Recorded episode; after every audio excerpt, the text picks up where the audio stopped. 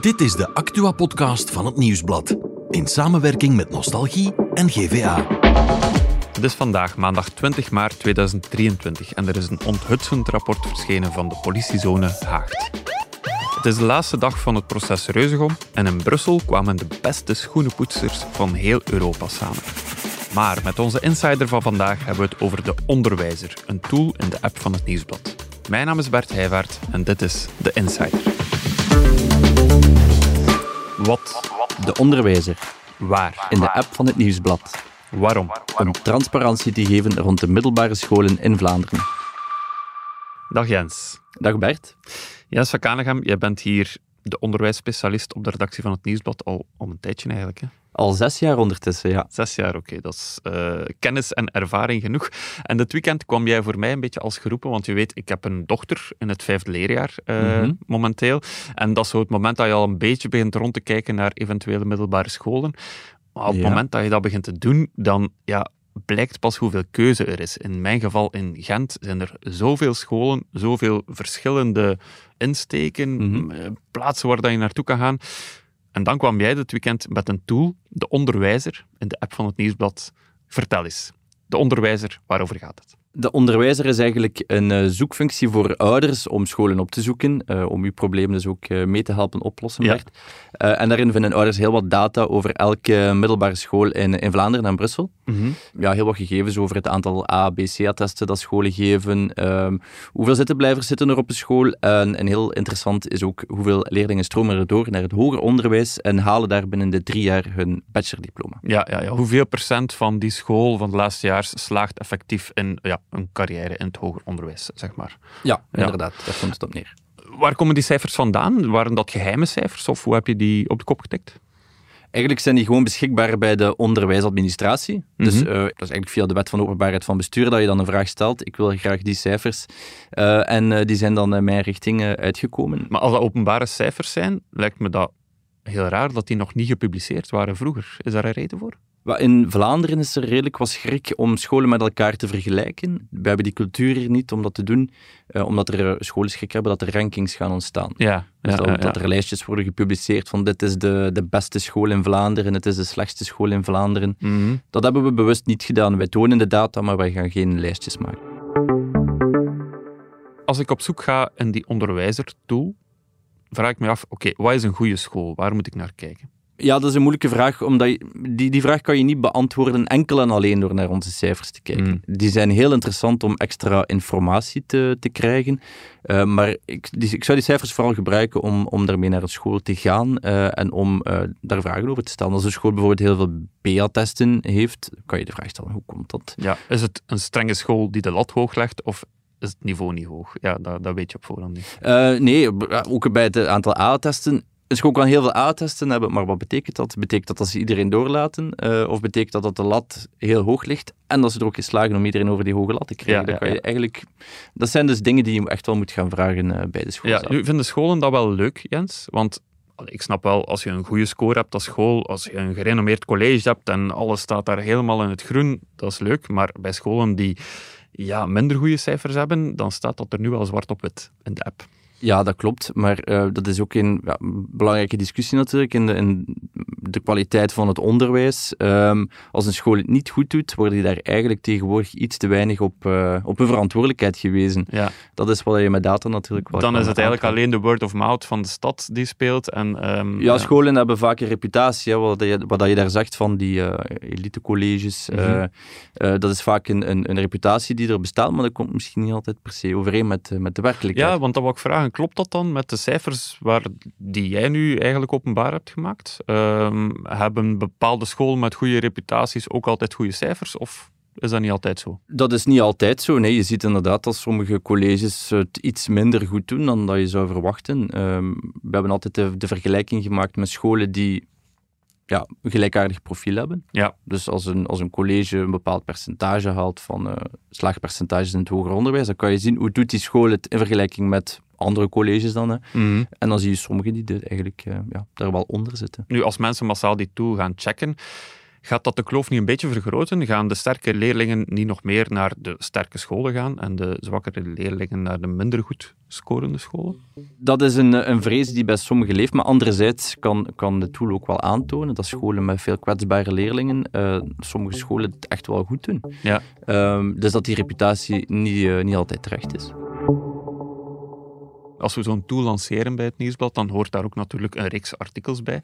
Mhm. En um, vandaag stond er een artikel op de site ook, waarbij ja, verteld werd van er is één cijfer dat vaak ook wel doorweegt in de scores. Dat cijfer rond kansarme kinderen die op een bepaalde school zitten. Vertel eens, hoe zit dat ermee?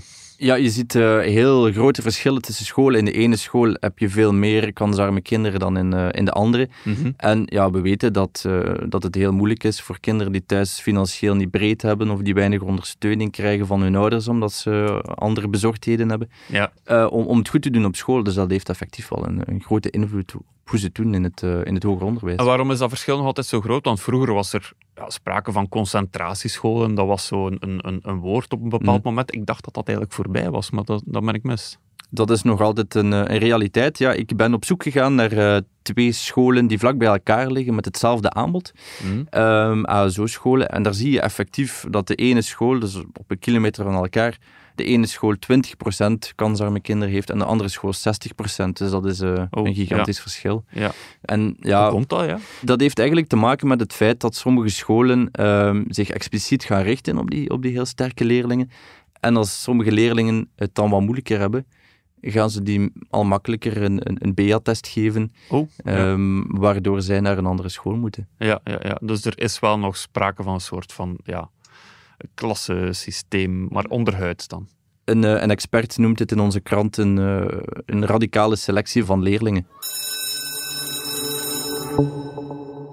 Oké, Jens, super interessante cijfers om na te gaan, maar eigenlijk mijn eerste bezorgdheid als ouder is, ja, gaat mijn dochter wel plaats hebben op de school van haar keuze? Want mhm. daar ben je nooit van gegarandeerd.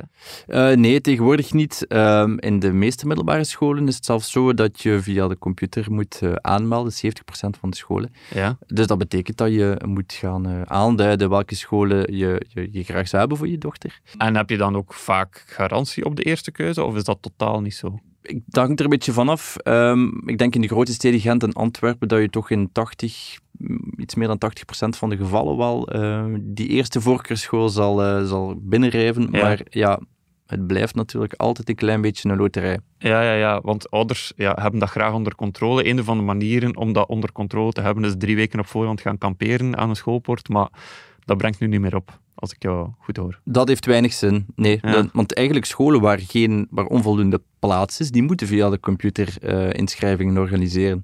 Ja. Dus uh, je kan je tentje daar gaan opslaan, maar je gaat, uh, je gaat er niet rapper door binnen geraken. Ja. Nu, vanuit die bezorgdheid van ouder gesproken, is dat eigenlijk geen gigantisch probleem, Jens? In Vlaanderen, dat we niet sowieso kunnen kiezen voor de middelbare school naar keuze? Ja, dat is een probleem. De realiteit is dat we nu met uh, heel veel leerlingen in het secundair onderwijs zitten. Um, en zeker in de grote steden, het is moeilijk om daar scholen te blijven bijbouwen natuurlijk. Ja. Er is plaatsgebrek. De centen volgen ook niet altijd vanuit mm -hmm. de Vlaamse overheid. Dus ik vrees dat we daar even door moeten, Bert. Jens, heel erg bedankt om dat hier te komen uitleggen voor ons. Uh, bedankt ook voor die tool en ja, tot de volgende keer zeker. Zeker, tot de volgende, Bert. Nog over naar het andere nieuws van vandaag. Daarom is Joni erbij komen zitten. Dag Joni. Dag Bert. Joni, uh, de week trekt zich een beetje op gang, zoals mezelf. Een beetje moeizaam, maar er was wel een zeer opvallend rapport uit de politiezone Haagt. Vertel ja, eens. Het opvallendste dat uit dat rapport is gekomen, ja, het is eigenlijk ontstaan omdat er heel veel klachten waren. Mm -hmm. En het mhm. opvallendste is dat er één op vijf personeelsleden de afgelopen zes maanden geconfronteerd zijn met grensoverschrijdend gedrag. Dat gaat van pesterijen tot verbaal geweld en homofoob gedrag. En in 90% van de gevallen gaat het om leidinggevenden. Leidinggevenden die hun werknemers dan ja, op een verkeerde manier behandelen. Straf. Um, ja, wat gebeurt daarmee met het rapport? Op dit moment is dat nog niet helemaal duidelijk. De politievakbond ACV zegt wel dat ze een staking overwegen, maar wat er echt verder volgt, dat valt nog even af te wachten. Ja. Was ook de laatste dag op het uh, Reuzegom-proces. Wie was daar nog aan het woord? Uh, vandaag kwam de familie van Sandadia aan het woord, deze voormiddag. Dat mhm. zijn heel emotionele getuigenissen. Bijvoorbeeld papa van Sandadia, Papis Dia, mm die legde uit dat hij elke dag medicatie moet nemen om te kunnen functioneren, omdat hij zo afziet van het verlies van zijn zoon. Hmm. Maar heel opvallend, hij zei ook dat hij niet per se wil dat de reuzengommers naar de gevangenis gaan. Hij wil vooral gerechtigheid. Ja, dat is wel opvallend. Ja. ja. En ook de broer van Sanadia kwam aan het woord. En daar kwam een beetje dezelfde lijn in terug. Ook Saidou vertelde dat er niet met voldoende respect over zijn broer gepraat werd en dat zijn dromen zijn afgenomen. En ja, het was gewoon heel, heel pakkend. Ja, ja, ja. het gaat dus voor hen meer om respect voor Sandadia dan eigenlijk om die uiteindelijke straf. Inderdaad, respect en gerechtigheid. Ja, oké. Om af te sluiten gaan we nog naar de regio, naar Brussel deze keer. Want er was een fantastisch evenement in Brussel City dit ja, weekend. een wedstrijd. Want iedereen in Brussel kon het voorbije weekend hun schoenen laten poetsen in Tour Schoenen laten poetsen, ja. fantastisch. Ik heb dat eigenlijk de laatste denk ik, tien jaar niet meer gedaan. Ik heb dat nog nooit gedaan. De jury deelde daar prijzen uit voor de beste techniek. Een Parijzenaar en een Senegalees-Marokkaanse schoenenpoetser wonnen de prijs voor de beste techniek. En één prijs werd uitgedeeld voor klantvriendelijkheid en ondernemerschap. En die ging naar een Italiaan. Dus uh, ja, een heel speciale wedstrijd. Ja, want dat is zo'n beroep uit de vorige eeuw. Zo, van die mannen die aan de kant van de straat zitten en iedereen hun schoenen poetsen. Dat zie je nu niet meer. Hè? Nee, maar ik zou er soms wel eens nood aan hebben, want ik doe dat niet graag. Dat is wel waar, ik ook. Goed, in elk geval bedankt Joni en morgen zijn we terug met een nieuwe Insider.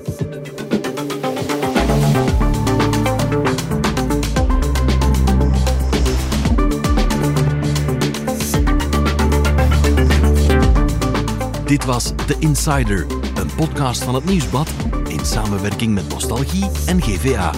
De muziek is van Pieter Santens. De montage gebeurde door House of Media. Wil je reageren? Mail naar podcast.nieuwsblad.be